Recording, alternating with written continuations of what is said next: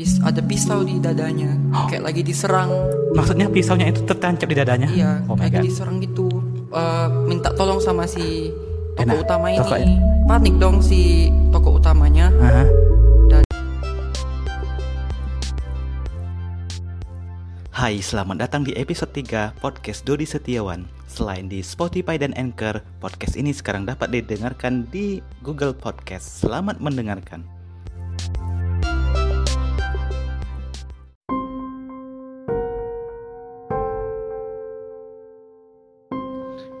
Episode 3 kali ini masih bersama Jojo. Eh, sebelumnya eh, Sabtu lalu, maksudnya minggu lalu banyak juga yang kasih respon. Ada yang bilang kedekatan dengan mikrofonnya suara saya harap maklum ya itu kemarin pakai mic baru jadi maunya dekat-dekat mulut aja.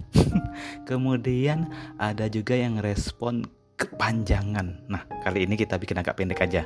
Langsung aja ya kita dengarkan podcast episode 3 baca The Woman in the Window bersama Jojo. Selamat mendengarkan.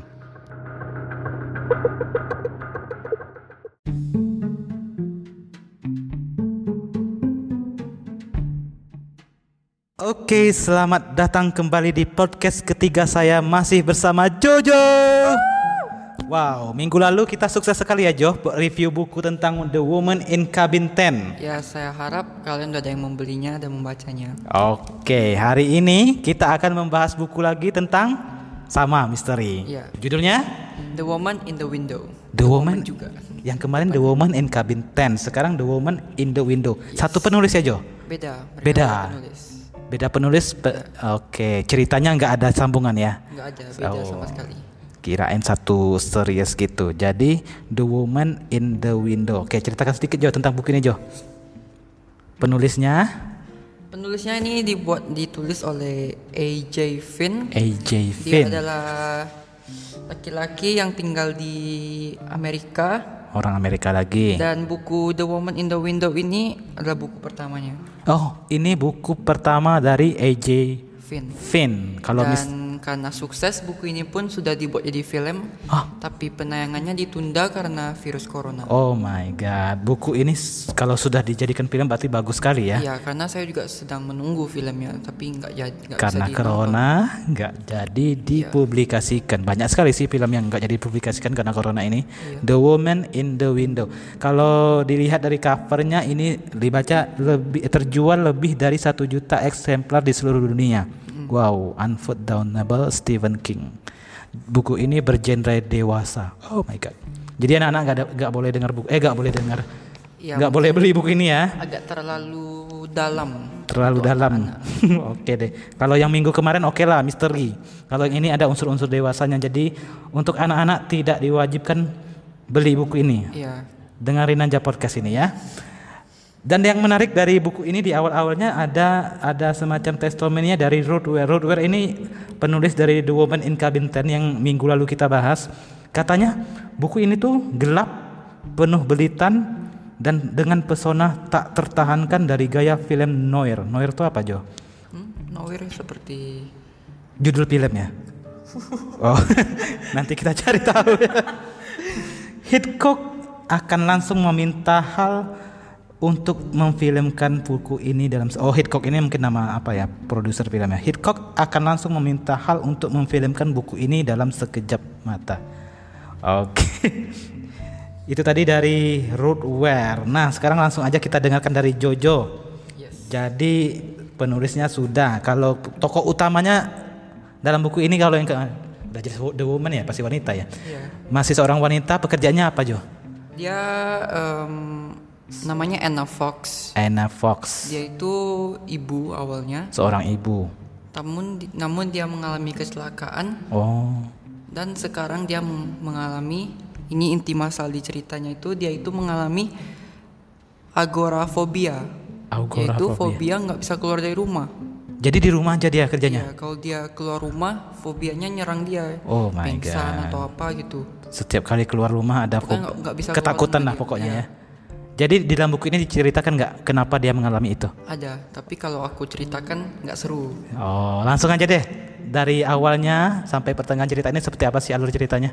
ya kan eh, dia mengidap agorafobia itu yang fobia nggak bisa keluar rumah itu. Mhm. Jadi dia tuh punya hobi sendiri. Hobinya itu memata-matai tetangga, Oh. kayak melihat tetangganya pakai teropong. Jadi apa pun yang terjadi di sama tetangganya dimatai dia Nah, terus Dia kayak pakai teropong. menggunakan teropong, kamera lah, lens kamera gitu. kamera. Ya dilihat.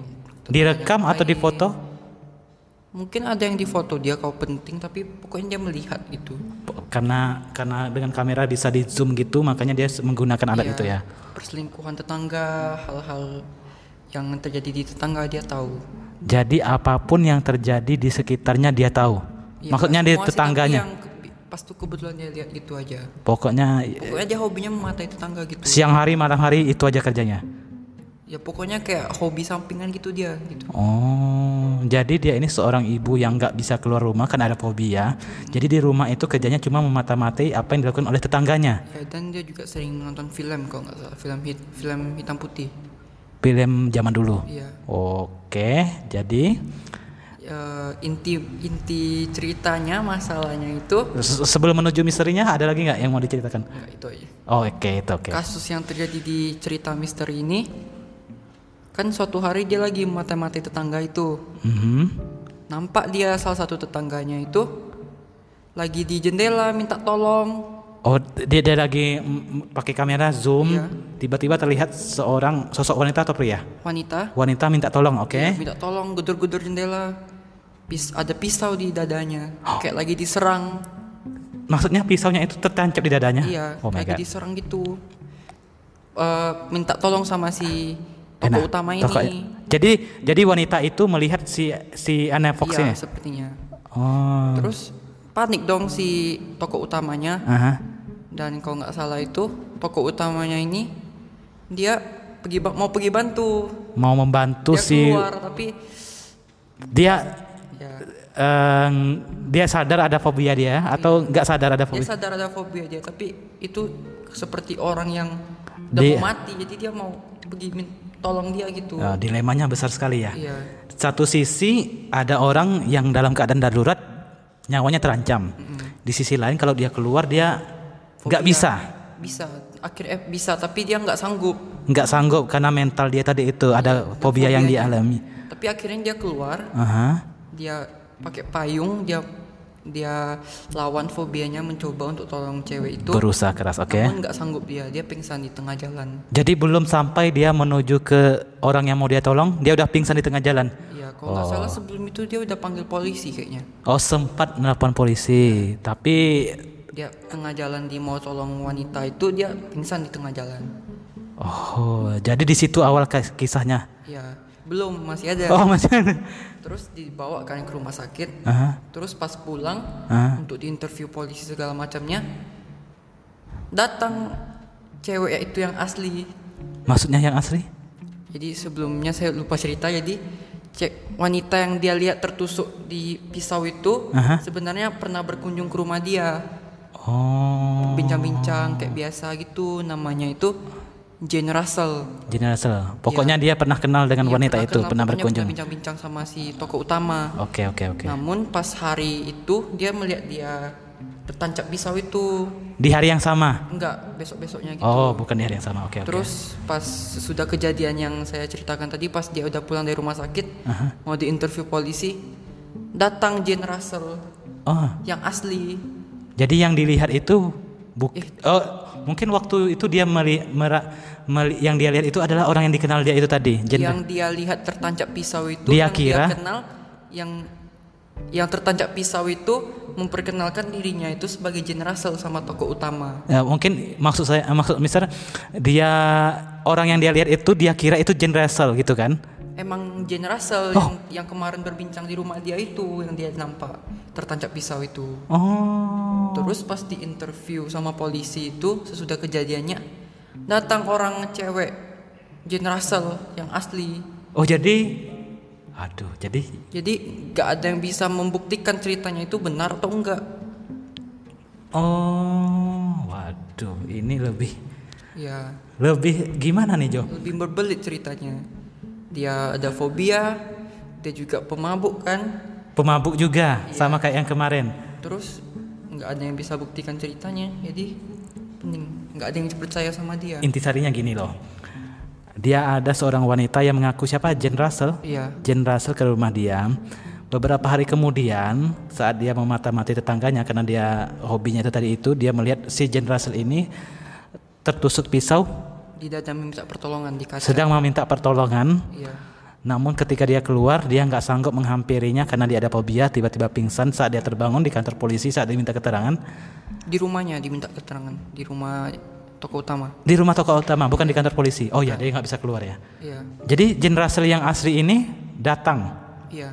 Didatang oleh saya polisi Jin Russell dibilangnya dan dia tidak pernah bertemu dengan si tokoh utama ini sebelumnya. Yang Jin, yang akhirnya datang bilang saya Jin Russell yang Nah. asli itu si toko utama nggak pernah ketemu sama dia sama sekali. Oh my god. Jadi si toko utama pun curiga dong. Yang mana yang asli yang mana yang palsu. Jadi yang tahu kasus ini hanya si tokoh utama ini si Anna Fox tadi ya? toko utama yang mempunyai fobia mabuk pemabuk dan segitu. Wah, bisa dibayangkan betapa beratnya perjuangan dia untuk meng- mengungkap kasus yang cuma dia sendiri yang tahu. ya dan kebetulan juga dia nggak ada foto pas dia Oh, cuma lihat gitu aja Iya, ya. dia panik gitu nggak ada foto Gak ada foto. Wow. Jadi hal-hal yang menurut Jojo bikin orang harus baca buku ini selain tadi itu selain fobia itu tadi apa lagi Jo? Alur ceritanya apakah alurnya unik Unik. apalagi juga dengan hambatan yang dimiliki oleh tokoh utama tantangan-tantangannya? tangannya itu juga membuat dia cara mengungkap kasus ini lebih menarik dan unik Unik. Yang pastinya banyak darah ya Jo? iya nggak terlalu sih Oh, lebih lebih banyak darah yang kemarin ya, yang buku kemarin. Rahasia Rahasia, waduh. Jadi unik tantangannya apa hambatan-hambatan untuk mengungkap kasusnya juga sangat banyak. ya Alur ceritanya mungkin nggak ketebak juga ya Jo ya. iya nggak ketebak juga kalau ternyata pelakunya sih itu Oh. kebenaran di balik itunya juga kayak gitu Waduh, Nggak jangan diceritakan, jangan diceritakan, jangan diceritakan. Jadi setelah nanti kita selesai baca buku ini Jo, Hmm? eh, apa yang Jojo rasakan Jo setelah selesai baca buku ini? Kalau yang minggu lalu apa ya Jo? Jojo bilang eh, tidak mudah, nggak usah cepat percaya sama orang lain. Kalau dari buku ini, apakah sama? Iya, nggak nggak boleh percaya sama Orang orang, dari lain. tampangnya aja dan belum tentu kalau dia polos. Jangan Belum tentu orang yang, polos. polos itu baik. Iya, Oh my god. Oke deh. Ini ceritanya harus dibaca. Saya belum baca, nanti habis pulang dari sini langsung saya baca sampai habis karena mendengar eh review dari Jojo tadi bikin kita penasaran mau baca buku ini sampai habis. The Woman in the Window. Iya. Karya eh karya Stephen King pula. Siapa? AJ Finn. AJ Vince. Bestseller, pastinya bagus buku ini. Iya, Oke. Minggu depan kita review buku lagi, Jo. boleh. eh, mau buku tapi lem. Film, film, film aja. Oh, bosan dengan buku ya. Oke, ini sampai di sini saja. Terima kasih, selamat mendengarkan. you, bye-bye. Bye-bye. Bye.